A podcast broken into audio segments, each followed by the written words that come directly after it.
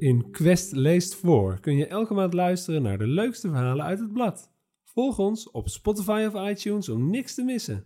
Dit is Ruimterommel. Op 22 september 2020 moet het internationaal ruimtestation ISS een ontwijkmanoeuvre uitvoeren. Gedurende 2,5 minuut worden 75 stuurraketten aan het werk gezet om een botsing te voorkomen. Waarmee? Was het een vogel? Was het een vliegtuig? Nee, die vind je niet op die hoogte. Wat was het dan wel? Rommel. De mensheid is erg bekwaam in de kunst van het vervuilen. Zo blijkt alleen al uit de 2 miljard ton afval die we met z'n allen jaarlijks produceren en de 11 miljoen ton plastic die daarbij in de oceanen belandt. Onze vervuilende fratsen reiken tot buiten de dampkring, waar het een grote puinhoop is, van schroefjes en verfschilfers tot inactieve satellieten en brokstukken. Die kosmische vuilnisbelt in de ruimte om onze planeet, tot 36.000 kilometer boven het aardoppervlak, is tekenend voor de mens. Met geavanceerde technologieën de ruimte doorkruisen, maar tegelijkertijd diezelfde ruimte achterloos vervuilen. Op het moment van schrijven van dit artikel bevinden zich 3373 actieve satellieten in een baan om de aarde. In 2021 zullen daar naar verwachting nog wel een paar honderd bijkomen. Deze satellieten zorgen ervoor dat we bijvoorbeeld snel internet hebben, navigatiesoftware op onze mobiele telefoon kunnen gebruiken en rechtstreeks een voetbalwedstrijd kunnen volgen vanaf de bank. De eerste satelliet, Sputnik 1 uit 1957, was een metalen bal van 58 centimeter groot met een paar antennes. De Russen konden er alleen radiosignalen mee uitzenden. Na drie maanden ging hij netjes weer richting de aarde om in de atmosfeer te verbranden. Sindsdien zijn er meer dan 10.000 satellieten de ruimte ingeslingerd en vandaag de dag bevinden zich ongeveer 6900 daarvan in een baan op de aarde. Daarvan zijn er pak een beet 2900 niet meer werkzaam. Naast deze dode satellieten bevinden zich ook zo'n 34.000 stukken ruimteafval groter dan een decimeter in de baan om de aarde. En dan nog ongeveer een miljoen stukken ter grootte van een knikker.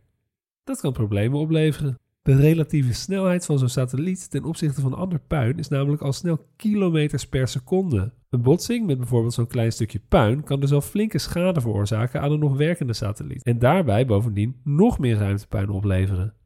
Kleine, niet traceerbare snippers kunnen het ISS ook beschadigen, zoals in april 2016 gebeurde. Toen knalde een stukje ruimtepuin, waarschijnlijk een verfschilfertje of een piepklein stukje metaal van een paar duizendste millimeter, tegen een van de ramen van het ruimtestation. Het resultaat was een kratertje van 7 mm doorsnede. Als een stuk puin van een decimeter in doorsnede op het ruimtestation knalt, zal de schade echt een stuk groter zijn. Vuilbotsingen zijn niet het enige probleem. De vervuiling is ook een doorn in het oog van sterrenkundigen. Door alles wat in een baan op de aarde wordt gebracht, komen ook sterrenkundige waarnemingen in het geding, vertelt astronoom Thomas Wijnen van de Technische Universiteit Delft en de Universiteit Leiden. Dat komt niet alleen door het ruimtepuin, maar ook door de grote hoeveelheden satellieten die in de planning staan om gelanceerd te worden. Hij zegt: Starlink, het satellietnetwerk van SpaceX, heeft de afgelopen jaren 1500 van hun geplande 42.000 satellieten gelanceerd. Die zijn ook nog eens behoorlijk helder en kunnen onze opnames van de hemel overbelichten. Dat kost ons extra werk om in de data te corrigeren en in het ergste geval gaat de mening verloren. Hoewel het probleem steeds groter wordt, is een oplossing nog ver weg. Vooral juridisch zit het nogal rommelig in elkaar. Het land dat eigenaar is van bijvoorbeeld een satelliet is er altijd verantwoordelijk voor, maar de verantwoordelijkheid wordt gedeeld met een ander land zodra daar de lancering plaatsvindt. Zo is het afgesproken in het ruimteverdrag dat de Verenigde Naties aannamen in 1966. Maar als een Chinees brokstuk botst met een Russische satelliet, wie draait er dan voor de schade op? En wie deelt de boete uit? Daarnaast is het lastig aantonen van welk object een verfschilfer of een bout deel uitmaakte. Wijnen, het satellietbedrijf OneWeb had 74 van zijn geplande 650 satellieten gelanceerd en ging toen failliet. Wat moet er dan gebeuren? Nu heeft de Britse overheid het failliete bedrijf deels overgenomen, maar dan dient zich een ander probleem aan. De overheid financiert aan de ene kant sterrenkundig onderzoek, is aan de andere kant verantwoordelijk voor satellieten die dit onderzoek kunnen belemmeren. Qua opruimen zit er dus totaal geen schot in de zaak. Dat komt vooral doordat het probleem voor de gemiddelde aardbewoner niet heel prangend is. Het is letterlijk een ver van je bedshow, zegt Lucas Ellerbroek. Hij is sterrenkundige aan de Universiteit van Amsterdam.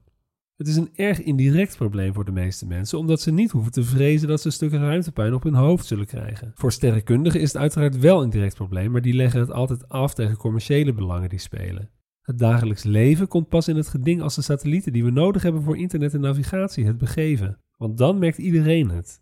Daarnaast is er ook een ethisch argument om ruimterommel op te ruimen. Zo zou je bijvoorbeeld kunnen beargumenteren dat iedereen het voorrecht zou moeten hebben om naar een schone sterrenhemel te kijken. Er is wel eens onderzocht of de sterrenhemel onder menselijk erfgoed valt en op die manier beschermd kan worden, zegt Wijnen. Maar ik begrijp dat het juridisch geen kans van slagen heeft. Ellerbroek zegt: Alle partijen handelen vooral uit eigen belang, terwijl niemand het algemeen belang verdedigt. Vergelijkbaar met de plastic soep in de oceanen. Dat is eigenlijk ontstaan door hetzelfde soort achterloze handelen, waardoor de rest van de wereld nu ook de dupe is. Het hele probleem nodigt op deze manier uit om cynisch te worden. Ellerbroek in de toekomst kan het voorkomen dat een stuk ruimteschroot daadwerkelijk een functionerende satelliet doorboort, waardoor we bijvoorbeeld even geen internet meer hebben. Maar een oplossing voor dit probleem is om nog meer satellieten de ruimte in te sturen, zodat er in zo'n geval altijd andere satellieten beschikbaar zijn. Dit draagt natuurlijk weer bij aan het probleem. De kosten om de troep tijdig op te ruimen zijn mogelijk een stuk hoger dan als je het probleem op deze manier probeert te omzeilen. Om te voorkomen dat de reeds aanwezige rotzooi allerlei nieuwe brokken veroorzaakt, worden vele stukken ruimtepuin getraceerd. Het Amerikaanse Space Surveillance Network houdt nu meer dan 20.000 kunstmatige objecten groter dan 10 centimeter in de gaten. Die objecten moeten bijna elke dag waargenomen worden om hun baan up-to-date te houden, want anders raken we ze kwijt. Als de kans op een botsing minimaal 1 op 10.000 is, dan wordt er gewaarschuwd en volgt zo nodig een ontwijkmanoeuvre. Dat doet de Europese Ruimtevaartorganisatie meerdere keren per jaar, zoals ook het ISS dat vorig jaar moest doen.